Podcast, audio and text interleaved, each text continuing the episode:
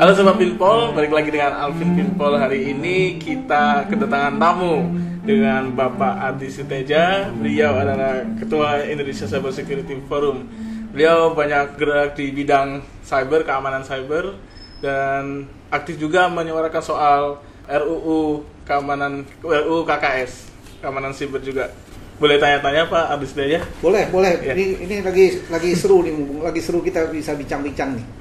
Sekarang ini kan lagi ini pak. Banyak nih soal dibahas di dunia digital sekarang ini banyak dibahas soal keamanan cyber. Kira-kira di Indonesia sendiri ini keamanan cyber itu bagaimana ya Eh, prospeknya? Kayak apakah keamanan cyber di Indonesia ini udah benar-benar dijaga oleh pemerintah atau belum gitu pak?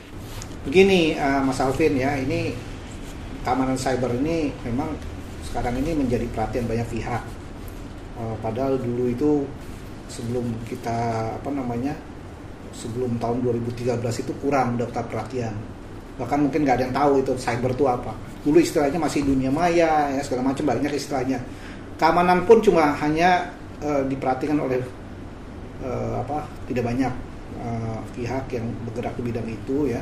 Walaupun sebetulnya industri keamanan digital atau industri keamanan internet itu sudah ada jauh sebelum 2013 itu sudah ada beberapa pihak yang memang ber- bergelut dan berkecimpung di bidang itu. Nah, ini kenapa eh, menjadi topik dan sorotan ini kita juga harus lihat eh, awalnya eh, ketika masalah cyber ini menjadi isu nasional. Dan itu kalau kita bisa tarik ke belakang itu kita mulai persisnya itu tang- tahun 2013 ya.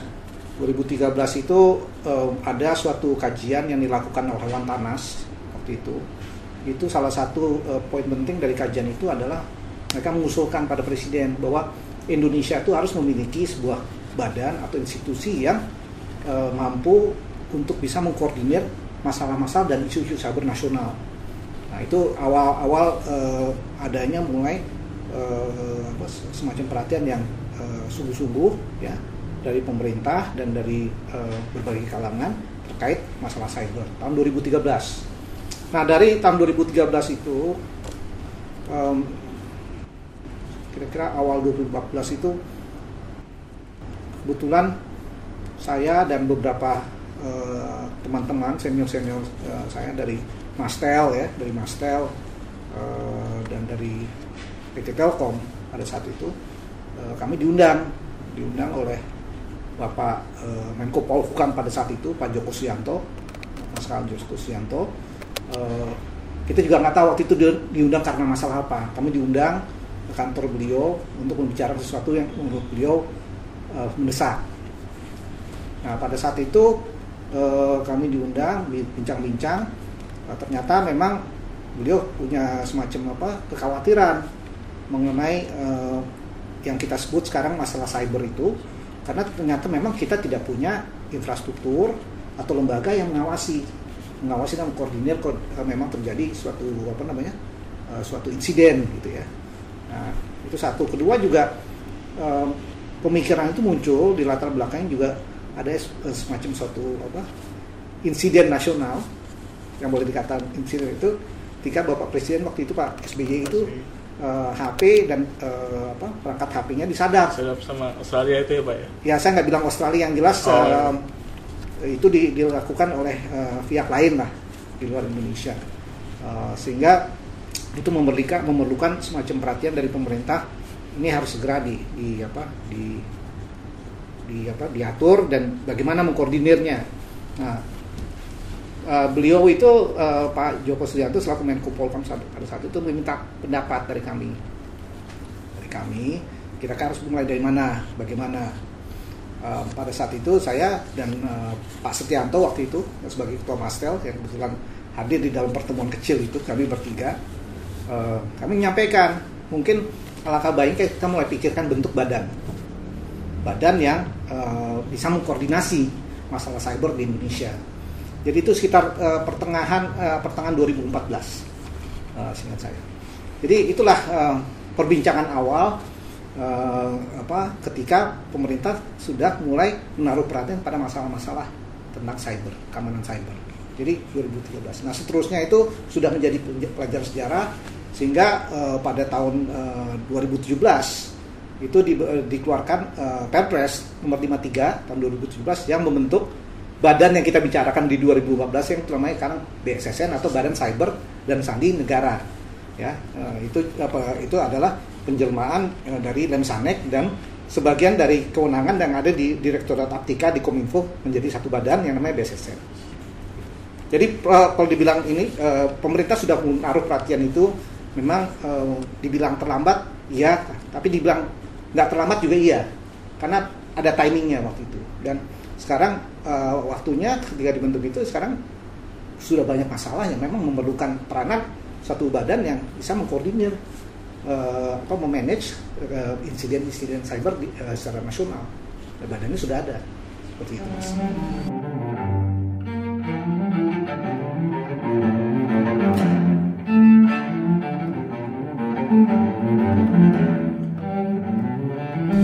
Mungkin kalau dari sisi pemerintah ya Pak, itu udah bikin BSSN terus ada insiden nasional yang seperti itu sempat membuat pemerintah akhirnya menggenjot usaha untuk mengatur soal dunia siber ini pak.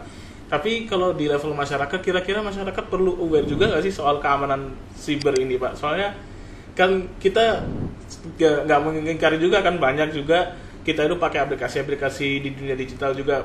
Kita sering-sering bersuara juga di dunia maya. Apakah masyarakat juga perlu paham bagaimana menjaga keamanan siber bagi masing-masing diri mereka sendiri? Ya jelas ya masyarakat juga perlu ya perlu uh, memahami ya juga apa mempelajari memahami masalah cyber ini. Karena uh, terus terang uh, saja yang masalah cyber ini bukan hanya mengurusi yang terkait dengan uh, apa yang uh, terkait dengan pemerintah tapi ini juga terkait dengan kegiatan uh, masyarakat sehari-hari. Artinya apa? Semua yang dilakukan di di atas uh, di atas platform cyber ya apa pun yang kita lakukan di dunia digital atau dunia maya yang selama ini kita kenal ya. kita sebut sekarang lebih lebih kita mengorganisasi lagi istilahnya uh, apa ruang cyber ya atau uh, cyberspace itu sudah menguasai hajat ibu orang banyak jadi artinya apa masyarakat jelas harus tahu nggak mungkin kita biarkan mereka uh, apa namanya uh, melakukan segala sesuatu sebebas-bebasnya Eh, di atas uh, di ruang cyber ini tanpa mereka mengetahui uh, faktor aturan mainnya, resikonya dan sebagainya. Karena kalau mereka tidak tahu, itu kan timbul persoalan yang akan lebih besar dan kita tidak bisa bayangkan seperti apa nantinya. Jadi yang jelas masyarakat harus tahu, harus tahu uh, uh, demi keamanan mereka sendiri juga, keamanan dan ke kenyamanan mereka uh, menggunakan internet ini sebagai platform teknologi yang sebetulnya juga akan uh, membantu mereka uh, dalam kehidupan mereka sehari-hari. Ya, mungkin kalau misalnya balik ke ancaman soal keamanan siber itu sendiri, Pak. Kalau ditarik ke politik misalnya, itu kan kita sering dengar istilah-istilah meddling di pemilu-pemilu di luar negeri kayak di Amerika Serikat itu. Apakah pemerintah Indonesia bisa mengantisipasi meddling semacam itu? Seperti yang terjadi di AS yang ada dugaan soal Rusia juga, Pak. Sebetulnya kita sendiri sudah mengalami masalah uh, bahasanya meddling ya tapi kalau saya bilang ini lebih kepada main hacking. Jadi bagaimana mengganggu uh, pola pikir kita untuk menggiring masyarakat untuk melakukan apa mengambil suatu opini atau keputusan yang sebetulnya uh, tidak tidak serta merta itu asal kehendak dia.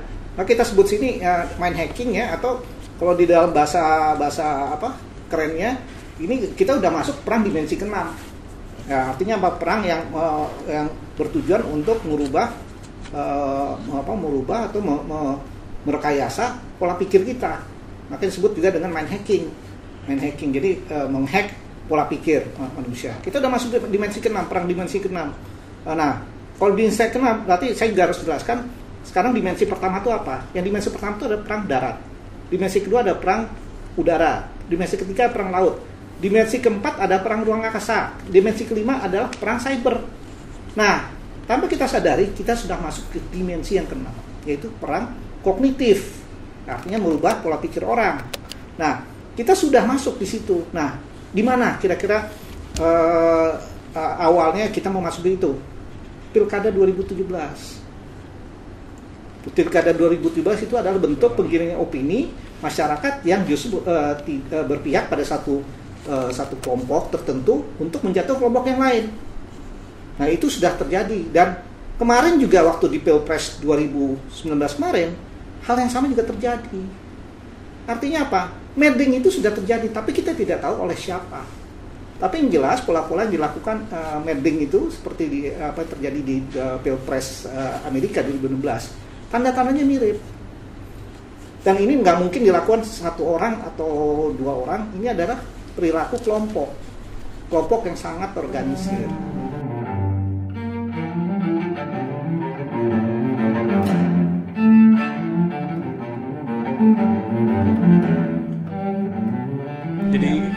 Kalau misalnya saya pernah nonton nih film film Brexit yang waktu itu bintangnya adalah Benedict Cumberbatch itu dia menjelaskan soal bagaimana uh, mereka menggunakan jasa seperti kelompok-kelompok kayak Cambridge Analytica.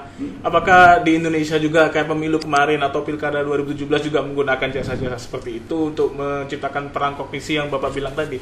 Ya kemungkinan itu uh, bisa bisa menggunakan kelompok-kelompok seperti itu ya. Mungkin di sini ada istilahnya buzzer buzzer ya yang memang uh, apa banyak macam istilah. Ada ada yang bilang uh, apa uh, uh, army apa gitu ya. Oh, iya. banyak sekali.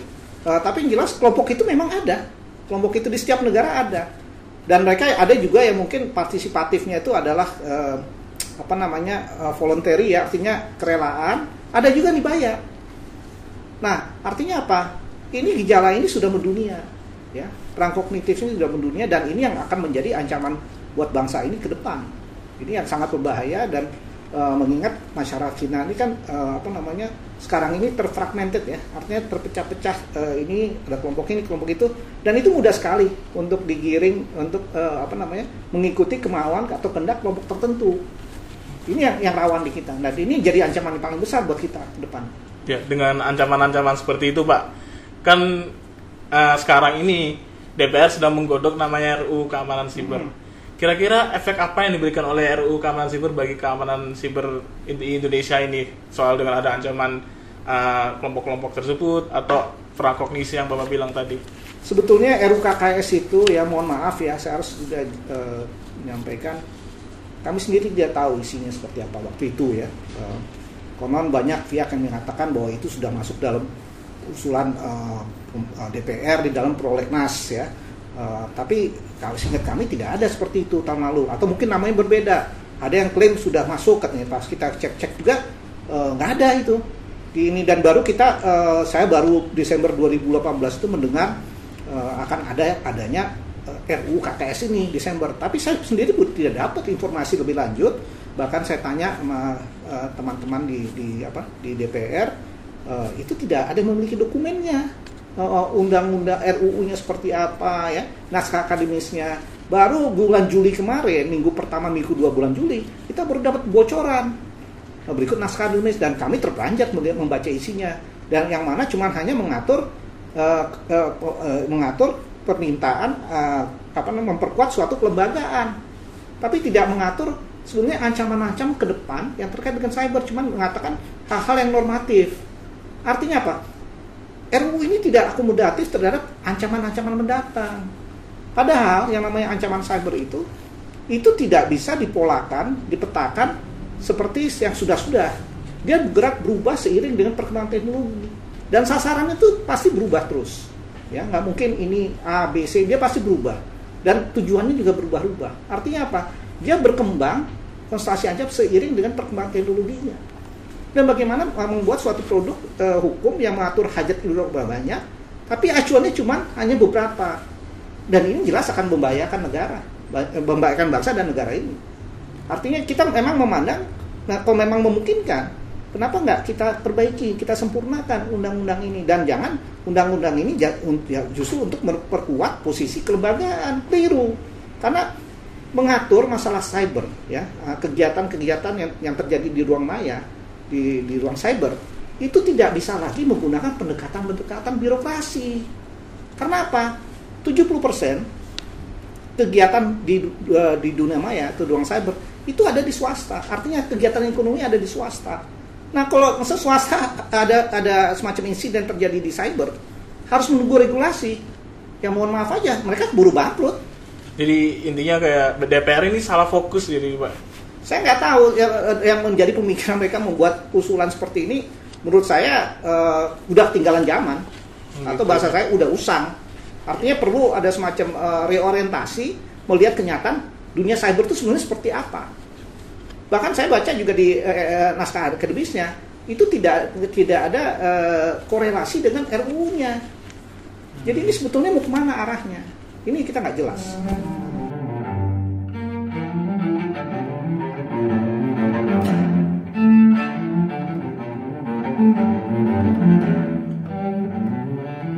ini Pak, kan beberapa waktu lalu terjadi kerusuhan di Papua. Terus pemerintah akhirnya memutuskan untuk memblokir internet di Papua. Kan ada beberapa pihak yang bilang kalau misalnya pemblokiran itu juga nggak nggak ada dasar hukumnya Pak. Apakah ini RUU Keamanan Siber juga bisa menjadikan apa ya dasar pemerintah untuk melakukan pemblokiran ke depan atau sebenarnya selain itu apa sih sebenarnya tujuan pemblokiran itu? Apakah berkaitan dengan peran kognisi yang Bapak bilang tadi? Eh, iya, sebetulnya kalau dibilang nggak ada dasar hukumnya keliru. Gitu ya. Eh, kita bilangnya penghambatan akses itu diatur di dalam undang-undang ITE, ya. Diatur ada di beberapa peraturan menteri juga. Nah, kenapa eh, penghambatan akses di Papua itu perlu dilakukan?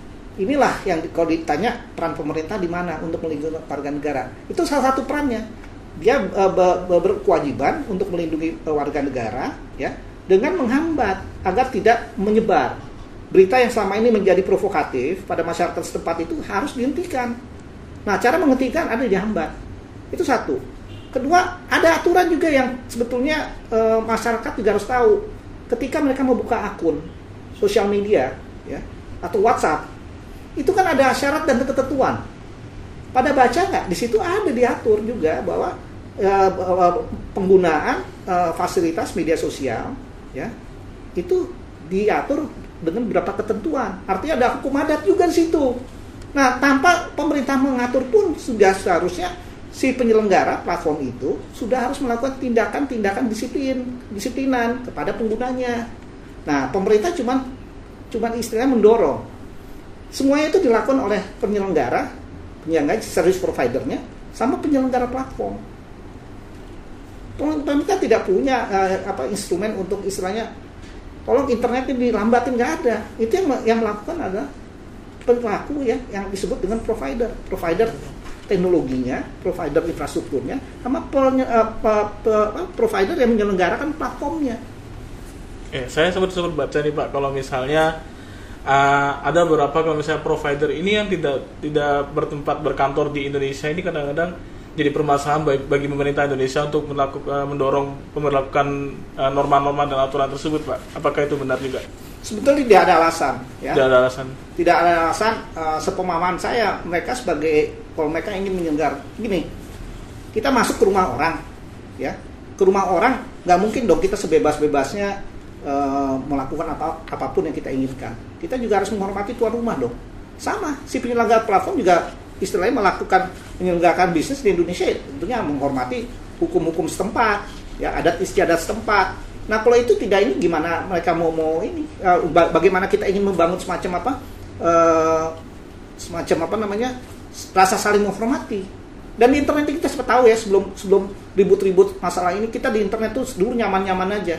Eh, ada yang namanya kalau di kita bahasanya hukum adat ya. Kalau dulu bahasa saya itu dengan teman-teman di industri kita sebutnya netiket. Jadi etika etika berinternet. Iya. Nah itu nampaknya istilah itu pun juga sekarang sudah banyak yang tidak paham. Sehingga terjadi ya sekarang banyak eh, pelanggar etika di internet ya. Contohnya penggunaan platform inter, apa eh, media sosial ini untuk menyebarkan berita-berita bohong, menyebarkan berita-berita kebencian ya, berita-berita yang konotasinya eh, apa eh, sara. Apa eh, apakah itu emang pantas di, di- di- mempergunakan platform media sosial untuk menyebarkan itu? Saya kira keliru. Itu keliru sama sekali. Oke. Eh, kalau gitu selain ini selain mendorong uh, provider-provider ini untuk melakukan memperlakukan hukum-hukum itu kira-kira lembaga lain kayak misalnya BSSN yang Bapak bilang tadi ini punya peran penting juga nggak untuk keamanan seperti pemblokiran tersebut atau emang dia berfokus keamanan siber yang bagaimana Pak? begini BSSN itu ya waktu kami mulai mikirkan itu memang kami ingin sekali uh, lembaga ini uh, boleh dikatakan berperan sebagai badan koordinasi. Artinya dia memberdayakan institusi-institusi ya, baik yang ada di pemerintah maupun masyarakat yang sudah ada, itu bagaimana mengkoordinir gerak bersama menangani isu-isu atau krisis krisis cyber. Nah, di sinilah sebenarnya fungsi BSSN. Nah, nah sekarang seperti yang kita lihat ya, kita nggak tahu mereka mau ke arahnya mau ke mana uh, ininya dan uh, beberapa kejadian ini uh, nampaknya masih kurang ini ya bisa di, di apa uh, masih kurang bisa kita perhitungkan bahwa dia bisa berperan malah yang berperan institusi lain ya uh, tanpa di, kita perlu sebut namanya mereka bergerak karena ya atas kepedulian. Dan masyarakat juga tentunya banyak elemen-elemen uh, masyarakat di, di apa yang memang uh, bergerak di industri ini itu juga bergerak saling membantu. Nah harus dilihat kita ini masih banyak penyelenggara jasa ya pelaku-pelaku industri ya masyarakat civil society ya yang masih peduli sama republik ini. Dan ini yang kita harus uh, juga perhitungkan sebagai bagian daripada ekosistem keamanan cyber nasional. Jadi tidak mulu uh, apa harus uh, kita uh, apa namanya uh, menga, me, me, apa, mempasrahkan diri pada satu satu atau dua institusi karena sebagaimana saya sampaikan sebelumnya kalau kita berpasrah ya mungkin kita udah udah bangkrut dan tidak ber, ber, berbisnis uh, apa tidak bisa lebih berusaha. Nah ini yang penting sekali peran uh, yang namanya para, pengampu kepentingan untuk bisa be, bekerja sama bersatu bekerja sama dengan pemerintah bagaimana kita menjaga ekosistem keamanan cyber itu secara bersama-sama dan membangun ekosistem cyber yang sehat ya dan nyaman untuk dipergunakan oleh semua pihak. Itu pentingnya.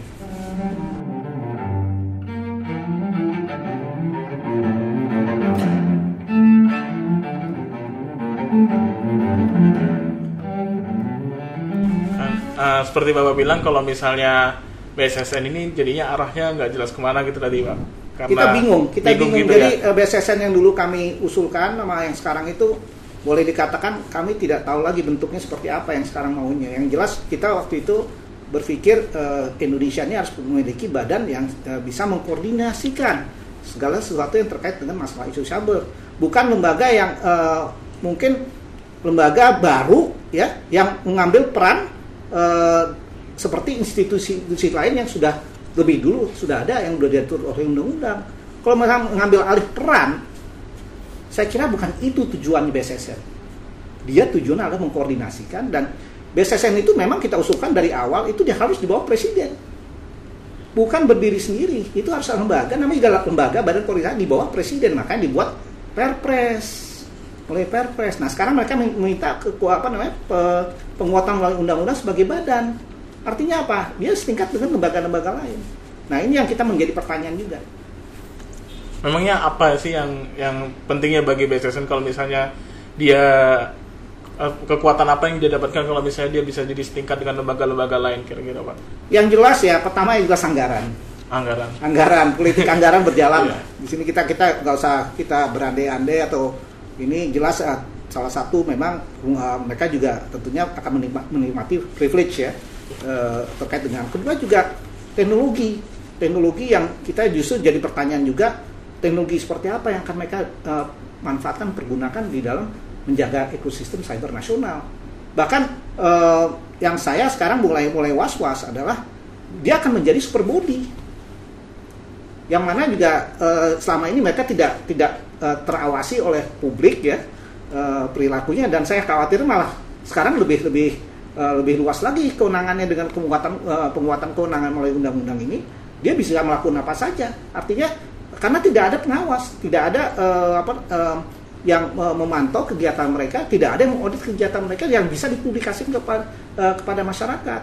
Dan mereka juga harus harus, harus mulai mulai paham bahwa mereka sekarang bukan lagi sebagai seperti dulu ya, dulu namanya lembaga sandi negara ya di mana masyarakat tidak tahu ini kerjanya apa dan tidak ada kewajiban mereka untuk melakukan pelaporan kepada publik. Nah, sekarang menjadi badan di bawah presiden ya melalui Perpres sudah seharusnya mereka punya semacam uh, apa lembaga pengawas yang memang harus juga memenuhi persyaratan yang diatur oleh undang-undang.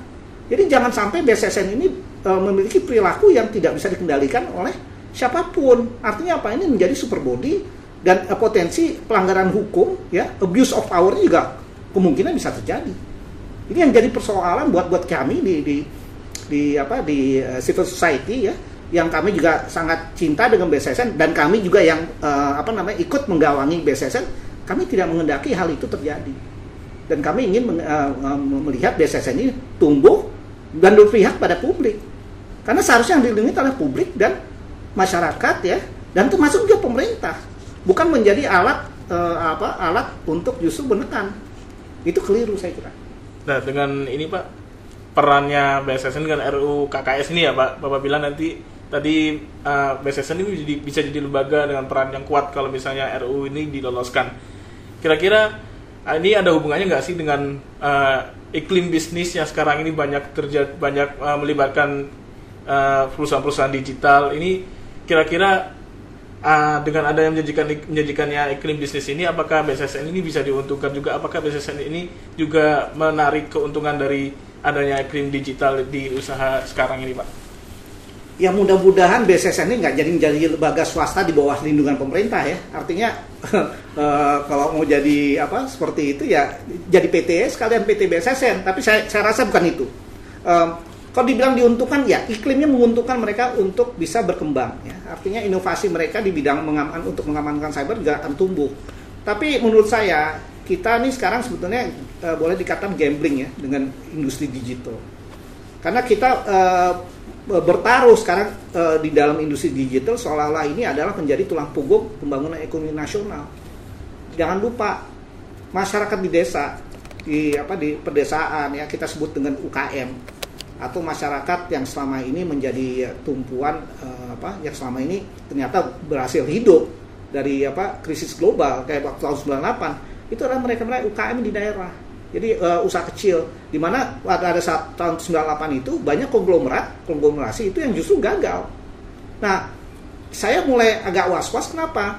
Seolah-olah nih kita sekarang semua apa ibaratnya kita menaruh semua telur di dalam satu bas, uh, satu wadah itu seolah itu akan menjadi uh, ke depan akan menjadi masa depan Indonesia itu ada di dalam wadah itu.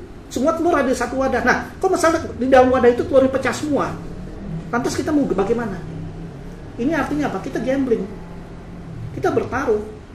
Bukan saya menyepelekan industri yang ada, tapi harus dipahami mayoritas masyarakat Indonesia sekarang itu belum melek digital dan belum mereka buka belum juga memiliki kemampuan untuk mengoperasikan yang namanya smartphone. Ini yang kita dengar pengguna smartphone ini kan hanya tumbuh di daerah di kota besar. Di desaan, di daerah-daerah terpencil belum ada.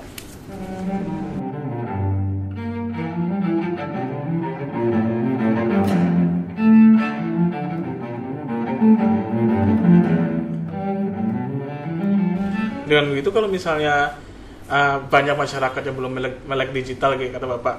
Kira-kira prinsip uh, kayak visi yang ekonomi digital yang digembur-gemburkan oleh Jokowi ini bisa nggak sih terjadi di masa depan kalau misalnya masyarakat saja belum mendukung belum punya kemampuan mendukung untuk memenuhi itu? Sebetulnya visi Bapak Presiden ya Pak Jokowi visinya buat bagi saya tuh sangat futuristik.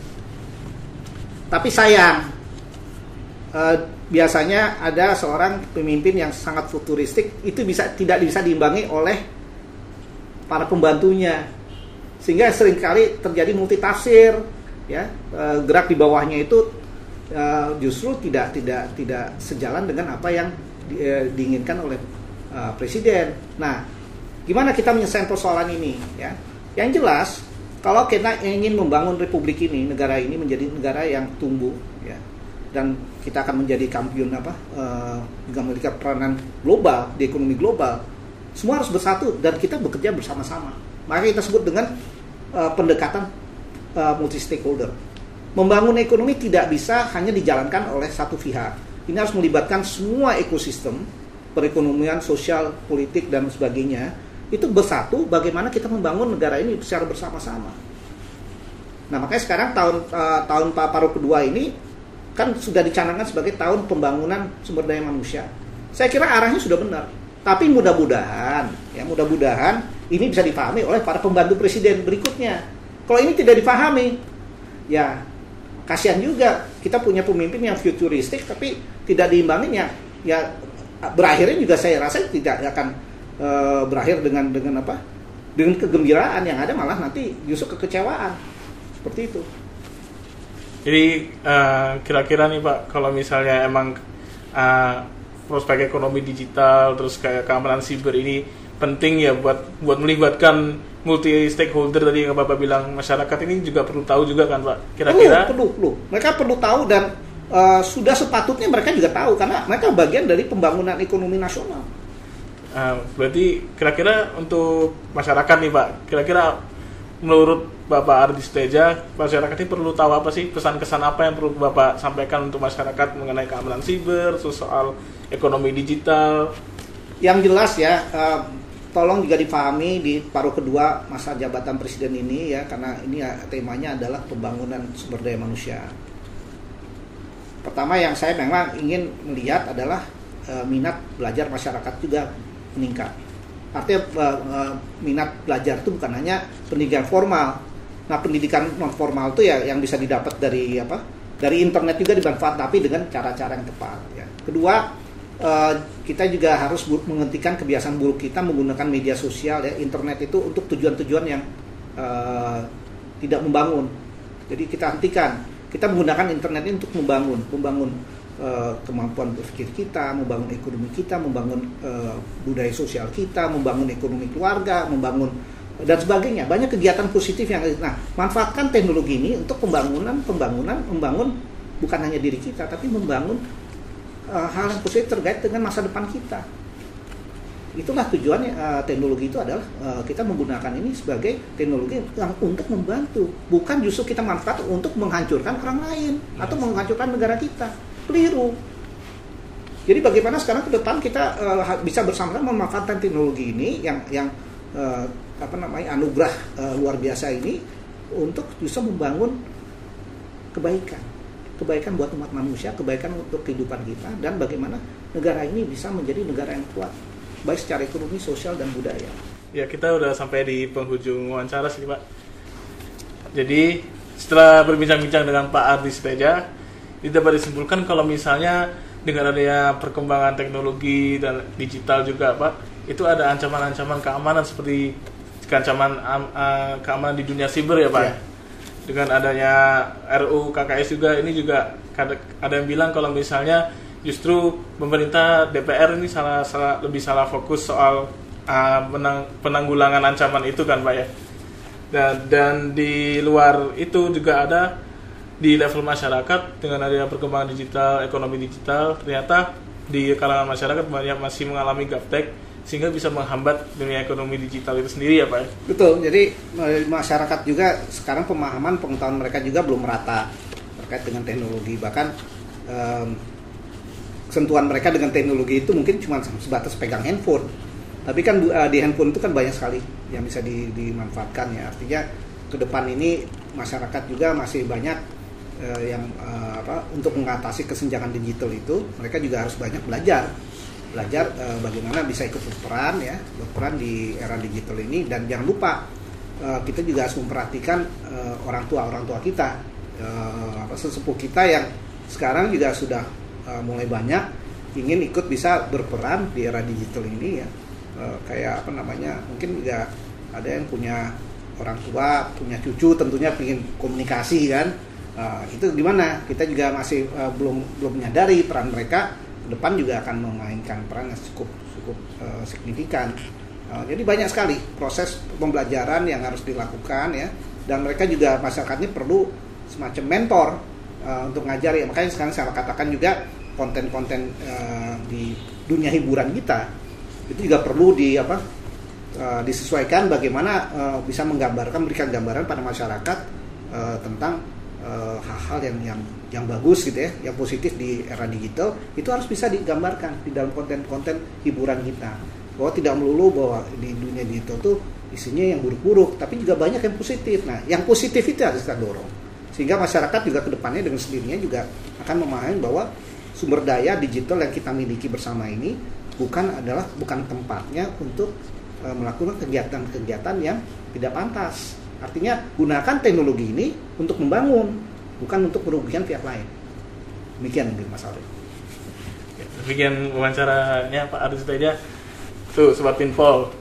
dengan perkembangan digital sekarang ini kita harus memberikan peran yang positif bukan malah nyebarin hoax nah buat sobat pinpol di rumah nih pengen cari-cari informasi yang lebih lanjut soal politik soal soal dunia siber misalnya jangan lupa tetap subscribe like komen di channel pinterpolitik.com dan satu lagi nih jangan lupa nih klik lonceng notifikasi yang ada di ujung kanan bawah. Terima kasih.